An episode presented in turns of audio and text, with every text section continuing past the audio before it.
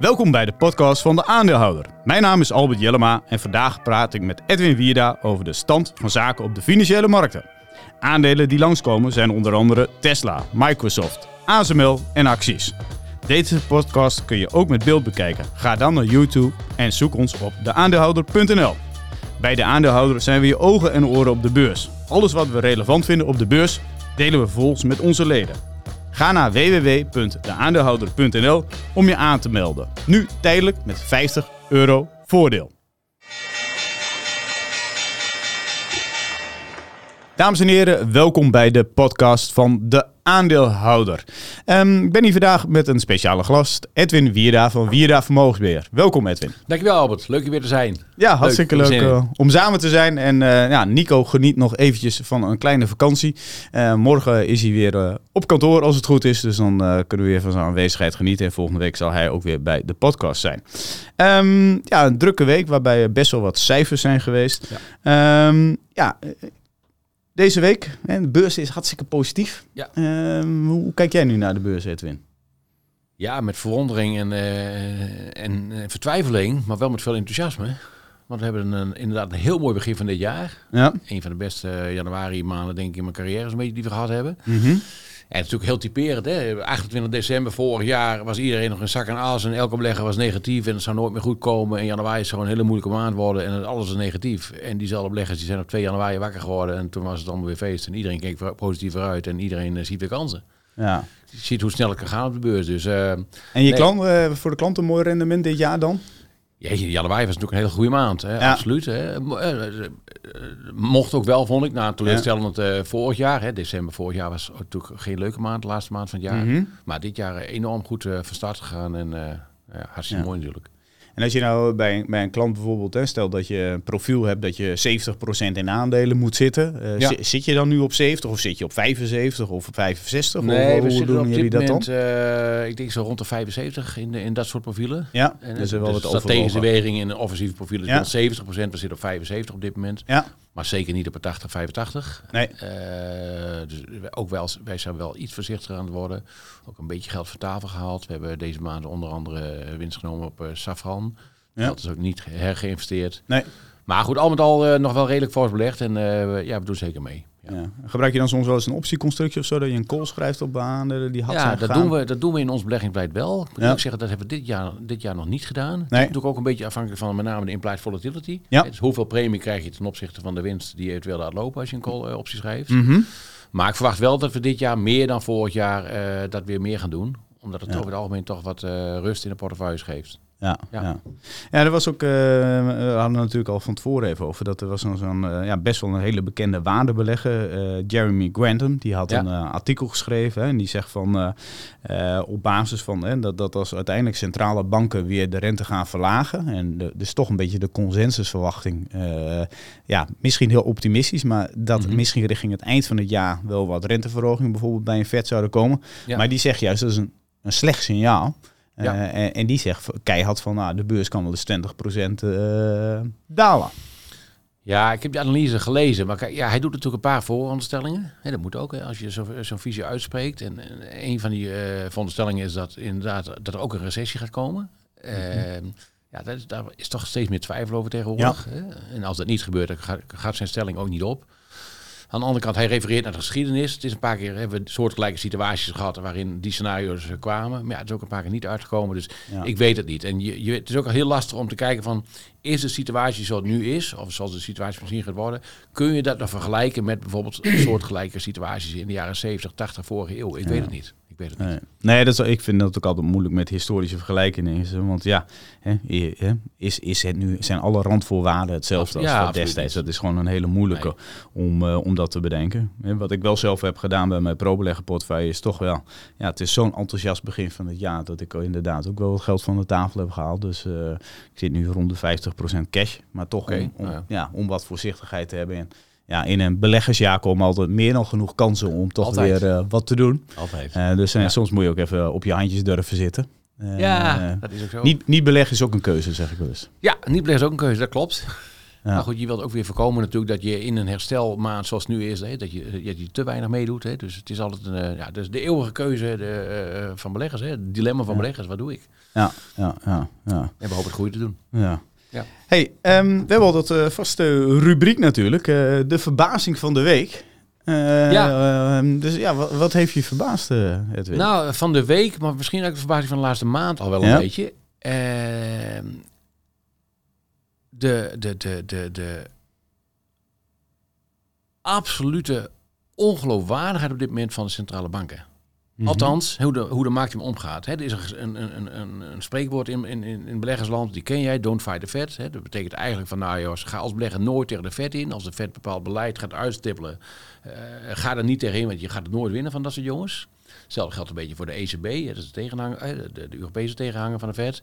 Eh, ga daar niet tegenin, want je gaat het niet winnen, want die jongens hebben diepe zakken en die kunnen heel lang doorgaan, langer jij als belegger zijnde. Ja, alles wat de, beleggers op deze wereld doen, is gewoon vechten tegen de centrale bank op dit moment. Want het maakt geen moer meer uit, op beleggers zegt, wat die, wat die Fed en wat de ECB zeggen. En laat ik het even bij de ECB houden. Als je Lagarde hebt, hè, dat is de, de, de, de voorzitter van de Europese Centrale Bank. Ja, die, die heeft eigenlijk gewoon eh, twee weken geleden letterlijk gezegd. eh, ik dacht dat het in de Davos was. Van eh, beleggers, u, u onderschat wat wij kunnen. U onderschat wat wij doen. Wij gaan langer de rente verhogen dan u denkt. wij gaan niet eerder verlagen dan dat we werkelijk zien dat die inflatie echt op zijn dieptepunt zit. Dus beleggers, kijkt u alsjeblieft nog een keer naar uw aandelenportefeuille. ik adviseer, nee, ik adviseer u volgens mij, was het iets van... Om, nog een keer goed naar de aandelenportefeuille te kijken en naar, naar de, de hoogte daarvan. Hè. Ja.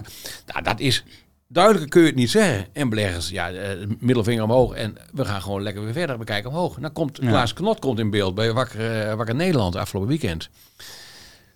En ik snap, die man heeft, hè, die, die heeft als functie, als taak, hè, dat hij natuurlijk moet waarschuwen. Die moet, moet altijd de, de, het enthousiasme wat temperen. En hij zit op televisie en hij zegt, nou, beleggers eh, onderschatten ons. Eh, beleggers gaan veel te voorzichtig met, of verkeerd met de inflatie om. Met die inflatie die gaat langer duren. Gasprijzen dalen wel, maar gaan uiteindelijk weer omhoog. Dus beleggers, pas op. Nou, echt expliciete waarschuwing kan hij eigenlijk niet geven. nee. Het maakt de beleggers niet uit, want de beleggers zeggen gewoon op dit moment: nee, tweede helft van het jaar gaat die rente gewoon naar beneden. Fed kan zeggen dat het niet zo is, de ECB kan zeggen dat het niet zo is, maar dan maakt bepaald op dit moment dat het wel zo is. De beleggers zijn, eh, die negeren centrale banken en zijn gewoon Volledig lekker enthousiast. Ja. Ja. En we gaan kijken wie er gelijk krijgt. Of het is zo dat beleggers denken: ja, oké, misschien is het zo dat het rentebeleid, eh, eh, ja, dat er langer de rente Ja. hoog zal blijven dan, dan we dachten. Maar dat de beleggers zeggen, ondanks dat het zo is, denken we dat eh, de economische groei hoog genoeg is om dat te kunnen hebben. Ja. Oké. Dat heeft mij verbaasd. Ja. ja. Ja, ik had ook een verbazing en dat was eigenlijk dat, eh, nou, zoals, zoals, de kijkers of luisteraars nu weten, is dat eh, Nico op vakantie is. Mhm. Ja, en wat Jordi en mij wel verbaasde was dat hij dan een briefje op zijn computer legt met zijn wachtwoord, zodat we Oh. bij zijn, in zijn computer kunnen. maar dat ons ook wel verbaasd, dat hij gewoon een wachtwoord op zijn, op zijn toetsenbord legt. Zo van, jongens, dit, dit, dit- dit- hier kun je gewoon bij. Dat, eh, Dat heb je gedaan. Je bent er even bij- eh, wezen kijken, denk ja, ja, morgen werkt helemaal niks meer bij. Het heeft ons wel verbaasd dat hij dat deed. eh, Dus eh, Ja. ja, maar, Nou, hij, hij vertrouwt jullie, hè? ja, ja, maar jullie. hij vertrouwt iedereen die hier langs loopt. Ja, ja, nou, op zich een goede eigenschap, toch? Ja, nee, absoluut, absoluut. Dus, eh, maar dat was wel een mooie verbazing. Ja, ja. Ehm, Ik heb trouwens misschien Ja? nog een verbazing. Oké. Die wil ik toch even noemen. Dat is een hele recente verbazing. Dat is een verbazing die ik gisteravond had toen ik eenmaal thuis toch even op, op, op internet keek van wat er in Amerika gebeurd was op de beurs. ja, En de verbazing was eigenlijk het bedrijf Chevron. En natuurlijk een tegenhanger van, eh, van onze, onze eigen Ja. Shell, Konokolie. Eh nou, miljardenbedrijf natuurlijk. En dan moet je even, even twee weken terugkijken. Twee weken geleden heeft eh, Biden gezegd dat hij vindt, net als heel veel mensen in de samenleving, ehm, dat al die bedrijven die enorm veel geld hebben verdiend en verdienen aan hoge olie- en gasprijzen, zonder dat ze daar zelf iets voor hoeven te doen. Eh, maar dat die bedrijven voorzichtig met dat geld om moeten gaan, die, wat ze eraan verdienen. En dat ze dat geld moeten investeren in eh, eh, op, op, opnieuw op zoek gaan Ja. naar olie, om uiteindelijk olie goedkoper te maken. En dat geld moeten investeren in eh, hernieuwbare energie Ja, en goede nieuwe projecten. Ehm, en dat dat geld niet zomaar ineens in de zakken terecht moet komen van al die aandeelhouders die al zoveel geld hebben. Dat was twee weken geleden. En Chevron zegt gisteravond, nou, wij gaan eh, ons aandeleninkoopprogramma gaan verhogen. Eh, we gaan het verhogen tot 75 miljard dollar. Dat is 20% van de hele waarde van het bedrijf. Eh, we gaan ook het dividend trouwens verhogen. En ja, dit is de boodschap waar u mee u, mo- u het moet gaan doen. Ja. Aanlouders waarderen dat natuurlijk enorm. Ja, maar ik ben ja, toch heel benieuwd hoe, hoe, hoe, hoe Biden en ook de samenleving, maar ook zeker Biden hiermee omgaat. Want het is eigenlijk gewoon een dikke vinger naar de, naar de politiek. Van eh, wij doen nu wat Dus we beleggers luisteren, luisteren niet naar centrale banken, bedrijven luisteren niet naar, naar de president van Amerika. Dus eh. Het is feitelijk wat er nu gebeurt. zijn een beetje in opstand met z'n allen. Er zijn een boel, een boel eh, mensen inderdaad. Anders in deze wereld op dit moment. Ja, Ja. ja. maar dat Ja. verbaast mij inderdaad. We gaan kijken hoe dat gaat lopen. Ja. Dat is misschien ook een bruggetje naar het eh, volgende bedrijf. Ehm, want ja, eh, dat is eigenlijk de CEO van ASML. En Die hadden deze week cijfers. Ja. En die verzet zich natuurlijk een klein beetje tegen het gebeuren dat er misschien wat meer restricties zouden komen voor hun eh, export eh, naar China. Ja, die staat toch wel duidelijk over. Die zegt, joh, de Amerikaanse bedrijven die exporteren zoveel miljard. Eh, wij, wij een klein stukje. Eh, dus die, die verzet zich daar ook nog een, een beetje bezig. Dus dat is toch een beetje hè, een bruggetje eh, richting Ja. het verzet. ja. En dan waren natuurlijk de cijfers zelf. Ehm, ja. hoe Ja. heb je daarnaar gekeken?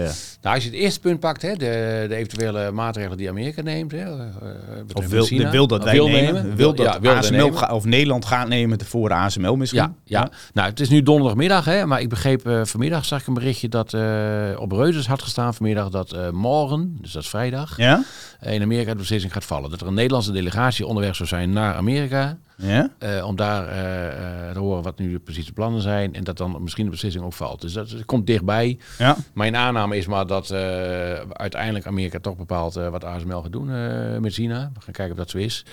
Maar goed, de CEO Ja, van... hoe, kan, hoe, hoe kan een Amerikaan... Eh, dit, is meer, dit is meer mijn verbazing dan. Maar hoe Ja. kan een... tuurlijk, je wil goede banden hebben. Maar hoe kan een Amerikaanse overheid aan een Nederlandse overheid opdragen... over hoe wij moeten omgaan met onze ja, bedrijven? ja, het, het, het, Gaat toch ver? Het, dat gaat heel ver, maar goed. eh, ehm, het is niet zeker, goed, maar het is mijn aanname dat we uiteindelijk dat dat gaat gebeuren. En dat zal ongetwijfeld zal dan de Amerikaanse overheid met wat compensatie komen op een of andere manier, linksom, rechtsom, vermoed ik. Ja. Aan de andere kant moet je ook reëel zijn. Kijk, als je ASML de cijfers eh, ziet, dat die zijn zo formidabel. En er is Ja. inmiddels een orderboek van, ik dacht 4 miljard op dit moment. Hè. Dus ik, ik, ik zei vanochtend tegen een collega van mij, kijk, als je kijkt van de capaciteit die ASML heeft om eh, te kun- kunnen produceren en te, kunnen Ja. verkopen, die ligt bijvoorbeeld op dit niveau. Ja. Maar het aantal orders dat we hebben ligt hier. Ja. En een stukje van dat, de, de- van het orderniveau is, AS is, is bijvoorbeeld de levering naar China. Ik dacht dat dat 15% was daarvan was. Dus ASML heeft zoveel orders en kan Ja. niks meer aan. Dus Ja. het, het puur het, het, het, het, het, het feit als ASML niet meer zou leveren aan China, Ja. dan zou er met de winst althans op dit moment eh, nog niks aan de hand zijn. Ja, ze zeggen zelf dat is- ze, ja, alleen eh, ze zeggen dat ze zelf ongeveer 35% meer vragen hebben, volgens mij, dan wat ze kunnen produceren. Ja. Eh, wat je wel bij een ASMI bijvoorbeeld hoorde, was dat de orders naar China wel winstgevender waren dan het gemiddelde van de groep. Dus, Oké, dat, eh, dus dat weten we niet bij ASML. En ik denk ook dat dat orderboek wel heel veel groter is dan wat jij net, net zei, omdat ze per kwartaal doen ze al 6, 6,5 miljard omzet. Het is 40 miljard. Ja, ik zei dus- 4 miljard. Ja, dus, inderdaad. ja nee, dus ik, zit, ik 40, zat ja, even na te 40 denken. miljard. ja. 40, ik denk al, de mist een nulletje voor mij. Eh, maar dat is wel dat je, eh, dat je je afvraagt van, eh, ja, want het, het zijn ook, ja, het zijn niet de EUV-machines, hè. en Dat zijn, het is eigenlijk de oude categorie. Maar ja, als je daarmee goed omgaat, kun je best wel een redelijk percentage, redelijk ja, hè, goede chips maken. Mhm. En wat het ook het geval is, is dat eh, die, eh, er komt natuurlijk ook best wel veel chips uit die regio. Dus als je, als je hier verdere verstoringen gaat krijgen, dan stond vandaag ook dat interview met Wenning in de Telegraaf, die zei van, ja, als je dit allemaal steeds verder gaat trekken, dan komen er meer verstoringen, dan komen de prijzen van chips gaan voor, omhoog. Nou, ze zitten wel een beetje aan de ene kant eh, helemaal fantastisch. Eh, de cijfers, eh, winstgevendheid, orderboek, eh bezettings, ja, enorme visibility. Maar dit is wel een vervelend item, eh, denk ik. Ehm, en eh, ja, het is wel spannend over hoe dat gaat aflopen. Ja, ook omdat het een president schept. Hè? Want als dit al Ja. kan, hè, dat, wat, wat is dan het volgende land wat tegen ASML of tegen een ander bedrijf gaat zeggen, ja, ik wil niet meer dat je dat, dat Ja. le- levert. Ja. Hè? Dus, Ja. Ehm, wat, ik, wat ik wel zo wel want ik, ik heb bij ProBeleggen dan aandelen en ik kan mijn positie een beetje, een beetje verkleind. Hè. Een paar, eh, de helft van de helft van de weging gaan naar ongeveer 4,5, 5 procent. Omdat ik een beetje moeite heb om qua waardering eh er nog heel nou, veel dat te snap zien. Ik wel. Dat snap ik wel. Ja, want je zag ook wel die analisten zie je nu eigenlijk een beetje allemaal wurgen om er een koop op te houden. Want die Ja. denken nou, kan ik hier nog eh, 6,75 uit persen Ja, of 700? Hè? Want dan kan Ja. ik nog dat koopje erop houden. Dus dat, dat vind ik wel een beetje, daarom heb ik ook gehalveerd. Uh, want ja, een goed bedrijf is niet altijd een goed aandeel. Nee, absoluut. Kijk, je kunt je ook afvragen, wat kan daar nog beter nu? Hè? Ja. We weten allemaal nu hoe het er gaat en hoe groot het orderboek is en hoe hoog de marges zijn. Dat is ook gigantisch daar. Ja. En dat loopt allemaal als dierlier. En inmiddels is het zover dat, dat ASML de, de machines die ze maken eigenlijk al niet eens meer testen in Veldhoven, maar dat wordt gewoon naar de klant al gestuurd voordat het eigenlijk getest is. En dan gaat het bij de klant nog getest worden om, ja. om het allemaal te versnellen. Dus je kunt je afvragen, als je kijkt naar waardering, en dat ben ik helemaal met je eens, eh, Albert, van ja, ja, wat kan er nu nog beter worden wat nu nog niet in de markt werk zit? Ja, ja, ja. Hebben jullie aandelen? Ja, we beleggen wel in ASML. Ja. Uh, maar wij zullen er zeker voor zorgen dat, die, dat de weging, zoals jij het ook noemt, dat die niet, uh, niet hoger gaat worden. Nee. Ook dan gaan wij ook afromen. Ja. En nu deed je laatst mee aan het uh, debat bij links. Ja. En had je natuurlijk twee tips. Ja. Uh, maar van de ene, ja, we komen eigenlijk allebei aan bod, zie ik nu. Uh, schiet me in één keer binnen. Maar ja. uh, de ene was natuurlijk een, ja, al, voor mij althans een redelijk ja, onbekend iets. Freeport. Freeport. Ja. Ja. Hoe moet ik het uitspreken? Freeport, McMoran. McMoran, ja, ja. is een fusiebedrijf. Een fusiebedrijf. Ja. En die kwamen met cijfers. Ja. Uh, ik denk dus, uh, ja, veel mensen hebben natuurlijk naar zo'n debat gekeken. Dus denk goed om even een update te geven hoe dat was. Ja, dat is helemaal goed. Nou ja, we hebben natuurlijk kopen, ook... kopen producenten. Ja, het is een producent van koper en ook van goud. En nog een ander metaal, maar met name koper is eigenlijk de, de, de hoofdmoot van, ja. van het bedrijf. En wat zij doen, hè, ze hebben uh, kopermijnen in Noord-Amerika en in Indonesië en in Zuid-Amerika. Ja. Uh, het grootste deel van de kopermijnen zit toevallig in Noord-Amerika. Nou, wat ze doen is dat al die mijnen die zij bezitten, in Amerika alleen al zijn het er 17, ja, daar wordt het koper uitgehaald en wordt verkocht. Dat is feitelijk het hele verhaal. Nou, omdat koper uh, eigenlijk het product of het metaal is wat nodig is voor energietransitie. Mm -hmm. alles, wat, alles wat stroom doorloopt, ja, gaat eigenlijk uh, met koper gepaard. Is er gewoon heel veel vraag naar koper, is onze aanname, zeker de toekomende jaren. En daar zal dit soort bedrijven van profiteren. Nou, dat bleek dus ook wel. Uh, ze kwamen woensdagavond cijfers in Noord-Amerika. Ja. Uh, koersreactie was positief. Dag daarna ging de koers een procentje vier dag omhoog. Oké. Okay. Nou ja, de winst uh, was hoger dan verwacht. Uh, eigenlijk loopt alles daar uh, zoals lopen moet. ze zijn zeer positief bezig met de toekomst. Twee dingen vielen me op.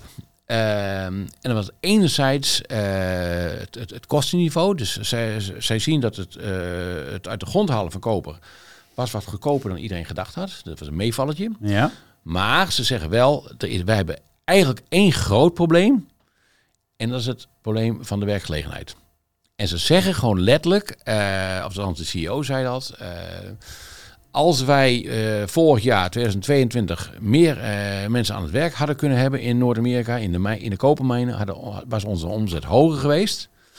En wij voorzien ook in 2023 dat wij niet de volledige capaciteit kunnen benutten, omdat we gewoon te weinig mensen hebben om mm -hmm. koper uit die mijnen te halen.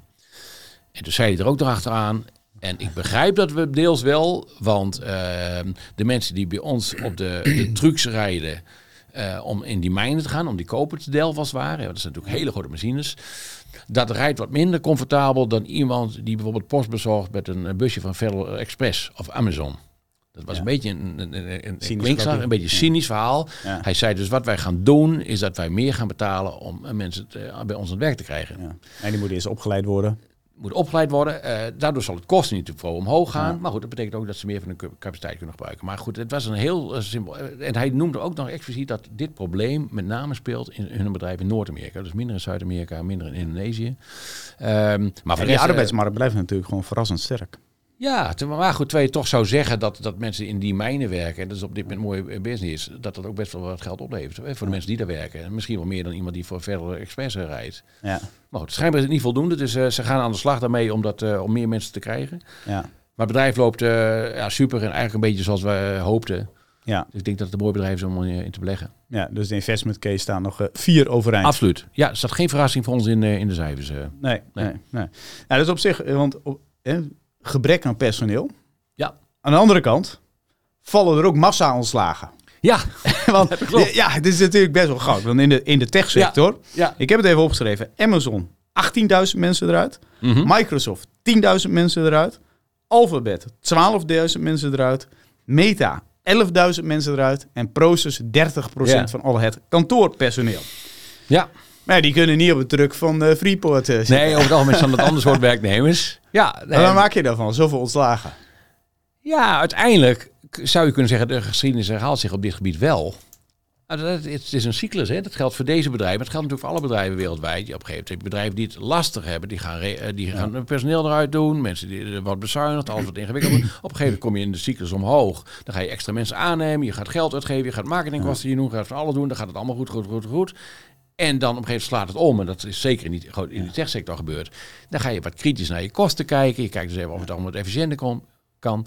En dan kom je erachter. hey, we hebben 10.000 mensen te veel eigenlijk. Want zonder die 10.000 mensen en iets slimmer werken, kunnen we deze omzet ook gaan draaien. Ja. En dan worden er weer mensen ontslagen. En die, diezelfde mensen worden weer aangenomen op het moment dat het allemaal weer, eh, weer, weer een stuk beter gaat. Ja, dus verbaast me niks. En wat je waarschijnlijk hier ook wel hebt gehad, is dat eh, tijdens corona Ja. heeft iedereen gedacht, nou, we trekken de lijnen door, we Dat beuken door, we groeien hard door. Ja, en dat valt nu toch allemaal een klein beetje tegen.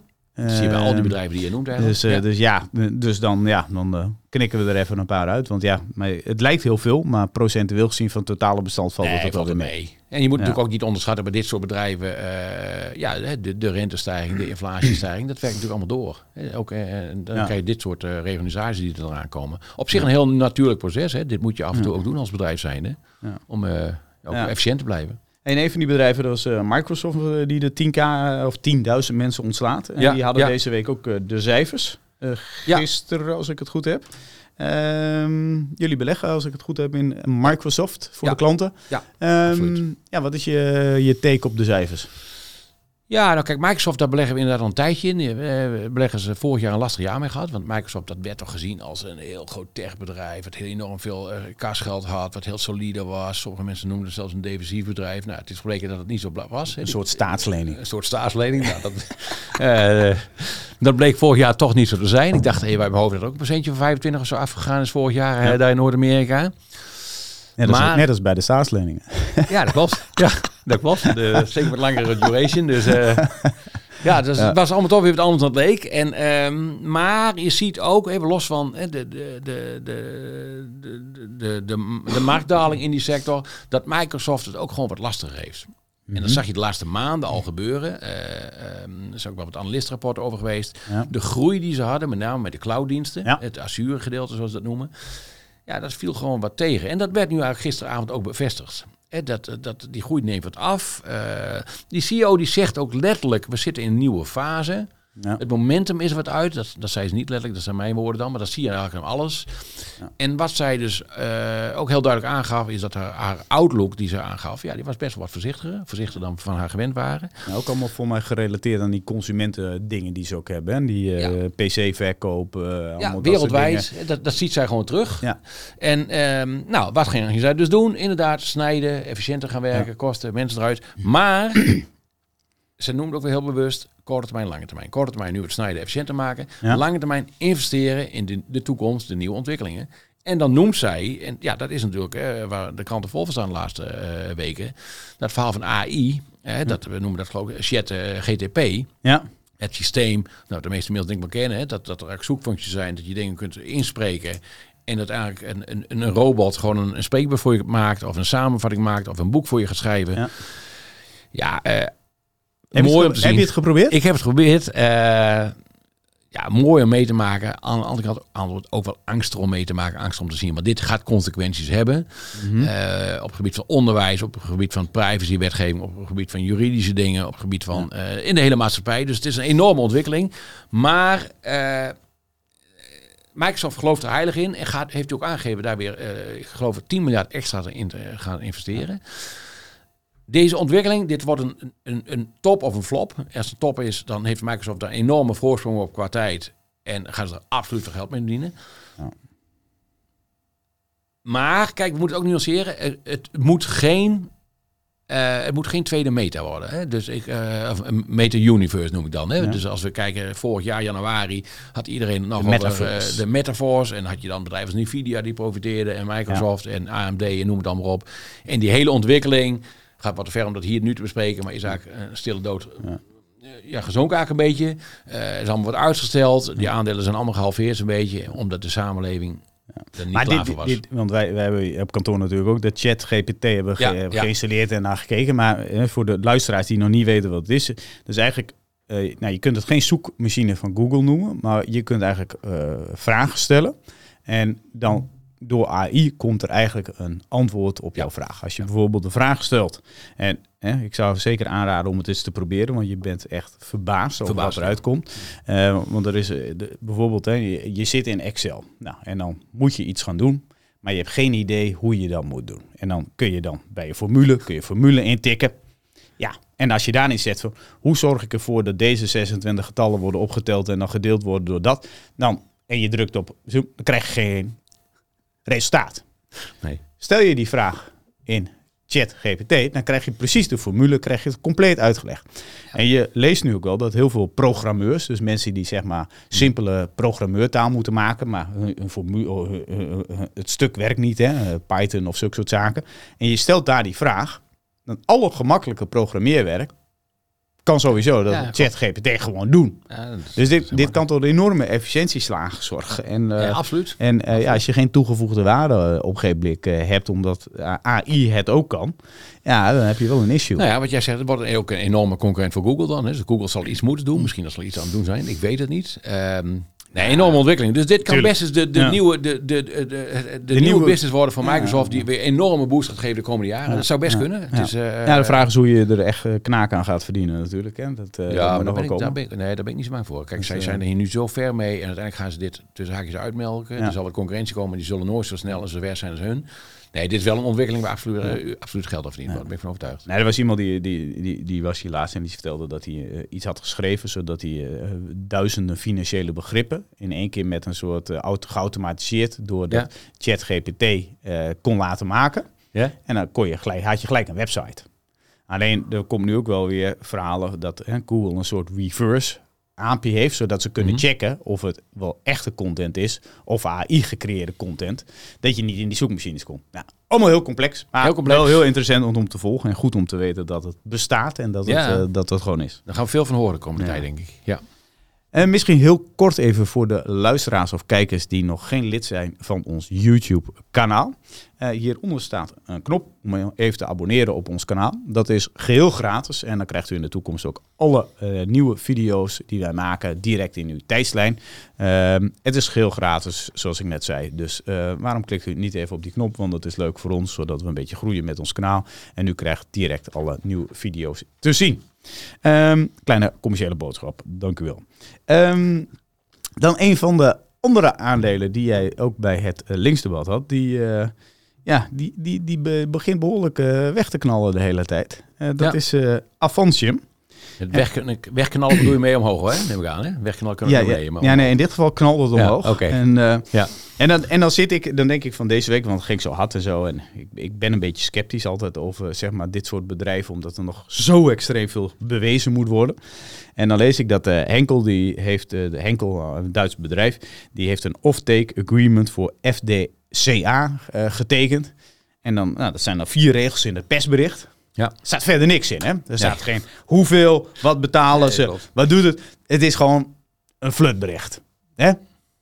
Mhm. Behalve, Voor de leek is dat zo, ja. ja, nee, ja, er staat ook gewoon niks in. Nee, dat klopt. er staat gewoon werkelijk waar niks in. Nee, nee, nee. Hoe kan het dan, Edwin, dat het daar dan wegspuit in één keer? Ja, Of is het gewoon een dunne kleine aandeel, een klein berichtje? Of nee, wat, eh? Daar zitten met twee, twee dingen, dingen, twee belangrijke dingen. A, eh, dat, de, dit, eh, dat we A te maken hebben met Henkel. Henkel is ja, wereldwijd een enorm grote speler. ja, Dus geeft vertrouwen dat dit soort partijen in zee gaan met in dit geval eh Avantium. Eh anderzijds een soort is... afgeleide due diligence dat zij zullen hun werk wel goed hebben gedaan, dat goed is. Nou, dit, dit soort partijen stapt niet zomaar in Nee. zee bij de andere bedrijven. Nee, dat die, hè, dus, dus, dus dat is het A goed teken. Het tweede teken was denk ik dat eh, alle afnameovereenkomsten die, die getekend zijn voor deze, Ja, hadden allemaal betrekking, of hebben allemaal betrekking op eh, afname van, eh, van PEF. Daar komt Ja. eigenlijk feitelijk op neer. En dit is een, eh, een afnamecontract voor een andere toepassing. Die eigenlijk nog on- en die toepassing was Ja. eigenlijk nog onbekend. Betekent dus dat dit eigenlijk, een- je zou het als een nieuw product kunnen zien, ja, waar ze ook marktfris. ja. En dan is Henkel de eerste, voor dit product dan, voor de FDCA-product. Maar er zullen nog vele ku- kunnen volgen. Dus de, de verrassing zat denk ik in A, de partij, de naam van de partij, Henkel Ja. in dit geval. En B, de toepassing waar dit, eh, dit product van Avantium eh, voor gebruikt gaat worden. ja. Voor jou weer een eh, positief puntje. Voor mij een positief puntje. Ja, is Ja. nog steeds vol vertrouwen? Ja, absoluut. Ik heb een, een, een, vorige keer ben ik hier geweest, heb ik een koersdoel genoemd en verteld waarom ik zo enthousiast ben. En Ja. in die zin is er qua visie absoluut niks veranderd. Nee. Nou, mooi, mooi. Hey, dan ehm, ja, deze week ook eh, cijfers van Tesla. De aandeel Ja. stond net eh procentje of 8, 9 hoger. Zeg het ja. Ehm, en er is een beetje, ja, zo, ik was las een artikel op eh, Seeking Alpha en daar stond van de, de bull-bear debate continues. Zit Ja. jij in het boelkamp of in het bearkamp? Ja, ik, ik, ik, ik, blijf cynisch en ik, ik zit in het beerkamp. Ja? Ja, ik blijf cynisch. En ik heb dit jaar de boot gemist. Hè, want ik begreep dat hij in januari eh, Tesla 40% gestegen is. Vorig jaar 65% naar beneden volgens mij. Van Dit jaar in één maand 40% omhoog. ja. Dus achteraf was misschien een koopkans geweest. Waarom zit je in het bearkamp? Nou, misschien wel Musk. Ik denk dat Musk eh, meer, eh, heel veel goed gedaan heeft voor Tesla in het begin. Maar ik denk dat Musk nu voor Tesla meer, meer kwaad doet dan goed doet. Mhm. Heel eerlijk gezegd. Ja? Ik denk dat het risico voor bedrijf is. Eh, ik denk persoonlijk dat ondanks dat, die een stuk, dat Tesla een stuk goedkoper is dan het was. Hè, want op een gegeven moment waren er waarderingen van eh, zoveel keer de winst. Dat, dat- dat niet normaal meer. Het is nu aanmerkelijk lager. Maar ik denk dat Tesla het lastig krijgt, omdat eh, ze hadden een enorme voorsprong. Als je eh, sprak over elektrische auto's, dan sprak je over Tesla. Dat is niet meer zo. Er zijn inmiddels best wel veel concurrenten, ook uit China. Eh, er komt misschien zelfs wat meer weerstand dan er was tegen überhaupt ele- elektrisch rijden. De nadelen ervan worden ook wat, du- wat duidelijker. Veel concurrenten dus. De voorsprong voor Tesla is gewoon afgenomen. Ik denk dat het product Tesla of het merk Tesla lang niet meer zo sexy is als het was. En be- beleggers zijn dus ook minder bereid om te betalen. Ehm, dus ik ben wat cynischer, wat negatiever. Hij heeft gisteren gezegd, eh Elon Musk begreep ik, dat hij eh, de productieverwachting voor dit jaar ging verhogen. Eh, ja, nou ja, het was een beetje cryptisch. Eh, 1,8 is de doelstelling, maar 2 zal wel moeten Ja, kunnen. zoiets zei hij. En toen waren iedereen weer positief. En zeker in dit beursklimaat worden dit soort dingen natuurlijk heel snel positief uitgelegd. Dat, dat snap ik. Ja. Maar er was ook nog een andere anekdote. Denk je, jongens, jongens, jongens. hoe dan Musk in elkaar zit. En kijk, ik, ja, je bent voorstander of tegenstander van Musk. Hè? En, en, en ik ben dan inderdaad misschien wat sceptisch dan gemiddeld. Maar eh, het is CEO van een, een, een, een, een- en groot aandeelhouder met name van een, een, nou, dit soort bedrijven. En hij heeft Gisteren in de conference call was een journalist. En die was wat cynisch, zat een beetje in mijn Ja. denk ik. En die stelde een vraag, begreep ik. En die zegt van, eh meneer Musk, ehm, maar met uw gedrag op Twitter... ehm, en wat u allemaal gezegd heeft en uw verkoop van aandelen...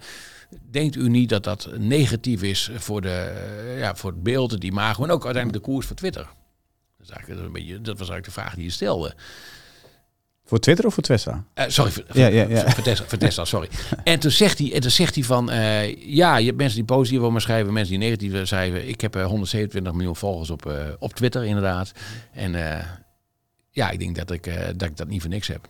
Dus, die, dus Musk zegt eigenlijk van, ik heb 127 miljoen volgers op Twitter. En dat is uiteindelijk goed, omdat heb ik ook eh, exposure naar, naar, naar Tesla toe. Terwijl die journalist eigenlijk zegt, ja, dat is juist, dat is juist negatief. Want als je 127 miljoen volgers hebt en je, je, je gedrag je zoals je nu doet, is het uiteindelijk slecht. eh, ook, ook voor Tesla. Dus eh, ja, maar net Ja. hoe je er tegenaan kijkt. Ja, ja, nou ja, dat ik moet wel zeggen dat eh, we zaten zo op kantoor ook even naar die cijfers te kijken. En Ja. de, ik tegen collega's zeg van, maar die auto's zijn overal eh, in prijs, eh, ze hebben prijsverlaging gedaan. enorm vlaag. Dus, eh, dus Ja. ik dacht van, dus ik zeg zo van, nou, is dat dan ook hier zo? Dus ik ging eens even, we gingen eens even kijken. Dan kun je een autootje configureren online. Mhm. Als je dat nou, als je, want ik, als je een scherm opzet en, van, van BMW bijvoorbeeld of Audi Ja. en je zet dan die Tesla open en dan heb je het gewoon over die Model S, hè, dat is Ja, ja. bekende ding. En nou dan had je alleen achterwielaandrijving, die, die is vanaf, wat was het, 42.000 euro of zoiets. Ja. Ja, het is wel relatief gezien, zijn ze ook nu wel goedkoper lijkt het. Ja, Want nee, eh, maar- als, je, als je bij die andere merken kijkt, dat je denkt van eh, zo de ju, wat een Ja, prijs. maar kijk eens, naar de, kijk eens naar die winstmarge. Hè? Want kijk, eh, wat, wat, wat Tesla gedaan heeft, ze hebben volgens mij was dat 17, was het niet? Nou, het was ergens in januari volgens mij. Ze hebben ze eerst gezegd, we gaan China de prijzen Ja. verlagen. Al redelijk snel daarna Europa, Amerika. Ja. En je zag nu, hij publiceerde nu de, de cijfers over 2022. Ja. Daar zie je al dat de winstmarge redelijk naar beneden komt. Nu heeft hij in januari nog weer prijsverlaging doorgevoerd, Ja. wat jij zegt. Eh, dus ja, de marge gaat ook een heel stuk naar beneden. Hè? Ja. Ja, hij kan wel efficiënter produceren natuurlijk, omdat die eh, capaciteit neemt ook wel weer toe. Ja, maar hij heeft wel gezegd Dus, eh, van ik, ik, de marge zal nog wel lager gaan. En hoeveel dan werd gevraagd, weet je gezegd, nou ik verwacht dat we wel boven de 20% blijven. Het is nu van mij 25%. Dus het, het sexy is er wat af. Mensen hoeven ook minder te betalen voor dit product. Ja, Eh, nou, ze, ze, li- ze lijken relatief wel, eh, in ieder geval de auto's, niet het aandeel heb ik er niet over, maar de, de, de auto's zelf lijken relatief gezien wel aantrekkelijk geprijsd. ja. nou, ik sla even over met Tesla. Ja, eh, je rijdt wat anders, hè? Ik reed het anders. Ja, Dus, eh, hey, dan was eh, deze week ook nog eh, de cijfers van, eh, nou, denk ik, een, een bedrijf in- wat in Nederland op de beurs staat. eh, het, waar Douwe Egberts onderdeel van uitmaakt. JDE Piet. En die kwamen eh, om een uurtje of drie 's middags dachten Ja. die, nou laten wij eens even wat cijfertjes de markt in gooien. Tijdens de beurs. ja, ja. Wat denk je dan? Ja, dat zou niet mo- moeten kunnen. Nee. Dat zou niet moeten kunnen. En er zijn normaal toezichthouders voor die daar iets aan moeten doen. En misschien ook wel wat gaan doen. Dat weet ik. Je weet Ja. niet of het aan Het is niet verboden. Nu niet. Is niet verboden. Oké. Nee, het is niet verboden. Oké. Ik dacht dat je dat, Dat het, kansloos is, dat het kansloos is, dat is wat anders. Maar Ja, oké. oké. Maar je weet niet, kijk, wat er ook gebeurd kan zijn. Dat is natuurlijk in het verleden ook wel eens bij andere bedrijven gebeurd. Is dat, dat ze op een gegeven moment ergens een. eh, Dat kan gebeuren. Hè? Je, hebt, je bent met je cijfers bezig, je legt ze ergens neer. Iemand heeft het gezien, of iemand raakt de beurs wat kwijt, of in de trein heeft gezien wat. Ja, dan moet je het melden. Ja, maar voor mij was dit gewoon echt bewust om drie uur gewoon. En waarom denk je bewust al? Waarom denk je? Ja, voor mij hadden ze ook iets met een, met, met een informatiedag of zoiets. En nou hebben ze gewoon gedacht, nou dan doen we het om drie uur. Ja. Dus, eh, nou, het Niet, niet eh, professioneel. Nee, nee, nee ik, ik, ik, ik heb ook eh, zelf heb ik persoonlijk wel moeite met dit bedrijf. Omdat het, Ja. hè, het, het, het stond op de beurs twee keer en het is twee keer eraf gehaald. Eh, en elke keer uh, als het dan weer op de beurs komt, hè, dan Ja. is het weer omgeven door hè, die mystiek van die Amerikaanse zakenbanken. Ja, ja. En semi-grote families die eh, erin zitten. Dan komen er, in, Geruchten, komen er ja. enorme bedragen voor het management in één keer. En elke keer dat ze naar de beurs gaan, dan is het zo. De SINE knalt omhoog. eh, alle kosten gaan omhoog. Ja. En nu groeit de omzet ook wel wat. Ah nee, de kosten groeien eigenlijk nog weer harder. Eh, dus er zit ook geen hefboom in. En je, je hebt keer het idee van, nou, ze, ze, ze nemen gewoon weer vier, vijf jaar lang alle kosten. En dan op een gegeven moment zeggen ze, nou, we hebben de kosten weer gehad. We trekken het weer van de beurs. Dat gevoel krijg ik er dan Nou, dat best kunnen. Kijk, ik, ik volg het bedrijf wat minder intensief dan jij. Maar het valt mij wel op, dus als ik er even naar kijk, dat daar gewoon heel veel Amerikaanse zakenbanken omheen hangen. Hè, wat jij ook zegt. En Ja. met, met koersdoelen en adviesverhogingen, verlagingen. Dus er zijn schijnbaar belangen. Eh, meer dan belangen dan je zou verwachten van bedrijven met, met dit soort marktkapitalisatie. Dus eh, en ja, waar veel Amerikaanse zakenbanken om je heen zwermen en, en, en, en met rapporten en eh, analyses. En eh, eh, dat is voor Nederlands bedrijven in het verleden niet altijd goed gebleken. Nee, nee, nee. Ehm, dan kwam er nog een, eh, Nederlands bedrijf, eh, of nou Nederlands, genoteerd in Nederland, laten we het zo zeggen. Met een fabriek in Arnhem onder andere. Eh, Acties Oh, kwam eh, ja. deze week. Er waren twee dingen. Eh, Ze kwamen vandaag met cijfers. En eh, bleek dat ze wat, best wel boven de 30% in omzet waren gegroeid. Ze gaven geen winstcijfers, dus het was een soort voorlopig iets. En waarbij ze wel handhaafden dat ze denken dat ze de EBITDA dit jaar wellicht, of over de afgelopen negen maanden was het dan, het jaar sluit af eind maart. Ja. Dat ze de EBITDA zouden kunnen verdubbelen. Dus de aandeel liep daar wat op op. Maar eerder deze week, ja, best wel een Ja. eh, grappig iets, want het aandeel knalde omhoog. Want wat gebeurde er, eh, Edwin? Nou, dat weet niemand precies. Ja, maar de koers ging eh, redelijk omhoog, heb ik inderdaad wel gezien. Ik wist niet waarom. Daar, ik heb jou een analyse gelezen op, de- op de aanlouder.nl. Ja. Hebben jullie onderzocht wat er aan de Ja. hand zou kunnen zijn geweest. En dat is, wat ik van jou begreep, of van, op de site begreep, dat dan een ticker in cryptoland dezelfde ticker heeft dan Aziz. en dat mensen misschien dat met elkaar verward zouden kunnen hebben. Ja, Zou kunnen. Nou, jullie analyse ging van mij de koers daarop ook naar beneden. Eh, dus eh, beleggers zullen dat verhaal geloofd hebben, naar alle waarschijnlijkheid. ja. Ik beleg er zelf niet in, Assis. Ik heb er wel even vanochtend even goed naar gekeken. Ehm, ik, vind, ik, ik vind het ook wel weer een interessant verhaal. En we kennen, de meeste eh, luisteraars zullen het verhaal, waarschijnlijk het verhaal kennen dat het bedrijf in een enorm zwaar weer zit en dat ze eh, heel veel geld nodig hebben. Ik dacht aan een miljoentje of 30, 35 inmiddels. Omdat eh, de fabriek in Engeland ja, veel meer kost dan begroot. In Amerika zijn problemen. Dus Ja. het bedrijf heeft gewoon heel veel geld nodig. En, en dat is best wel veel geld als je het- het kijkt ten opzichte van wat het bedrijf op dit moment waard is. Ehm, want, ehm, want ja, die 35 miljoen, wat, wat het ongeveer is, is best veel geld. Ja, en als je met de rug in de muur staat en je hebt geld nodig, en dan ben je op zoek naar investeerders. En investeerders die weten dat je met de rug in de muur staat, dus je gaat de hoofdprijs betalen. In die zin, je gaat op hele lage koers dan zeer waarschijnlijk aandelen uitgeven. Of, Ja. of tegen hele hoge rentes geld lenen. En ze hebben ook geen CEO. Er is geen CEO. Ehm, maar toch, als ik dan vanochtend de cijfers kijk, eh, de operationele business, het bedrijf hè, zoals het nu gaat, Mhm. ja, was eigenlijk allemaal meevallend. Ze zeiden ook dat het, de, de, de, de schuld die ze hebben, dat die behoorlijk was afgenomen de laatste maanden van vorig jaar. Ja. Dat, dat zou een positief teken zijn. Ze zeiden volgens mij ook dat ze in hun zoektocht naar een nieuwe CEO redelijk ver waren. Dus dat is op zich positief. Maar één zinnetje viel me op in het persbericht. Ik, ik spel dat soort berichten altijd, omdat daar vaak de, de, de, het, zit hem echt in de details vaak. En daarin werd gezegd dat ze uh, nog niet echt nieuws hadden omtrent de financiering, het geld wat nodig is. Mhm. Maar dat ze niks uitsloten en dat kan een aandelenmissie zijn, maar het zou ook uh, private equity kunnen zijn of een andere partij die, uh, die instapt. Daarmee zeggen ze eigenlijk indirect van beleggers, wees niet bang dat we helemaal geen kans meer hebben en aandelen moeten uitgeven, want dan zal de koers toch wel een keer voor ons naar beneden moeten. Um, de verrassing zou zijn als een, een partij, een private equity partij of hoe je het ook maar noemt, er enkele tiental miljoen in zou pompen. Ja. Maar goed, ik heb geen positie. Het is een riskant verhaal. Sinterklaas bestaan niet in deze wereld, hè? Nee. Dus die, nee. iemand, die, uh, iemand die er wat in stopt, die wil er ook heel veel voor terug. Dat klopt. Maar de, de kinderen die Zwarte Piet en Sinterklaas komen, die hebben nu al ingecalculeerd dat er helemaal niks in de zak zit. en dat kan ook meevallen. ja, nou ja. Nou, ik denk dat het een uh, mooi eind is ja, van, deze, van deze podcast, Edwin. Dus uh, dat, uh, deze, deze gaan we onthouden. Dames en heren, heel veel dank voor het kijken en luisteren natuurlijk naar deze podcast. Edwin, heel veel dank voor je aanwezigheid hier. Leuk, fijn hier weer te zijn, Albers. Leuke podcast, denk ik. Ja. kunt nog even abonneren op de abonneerknop. Heel veel dank voor het luisteren en tot de volgende keer.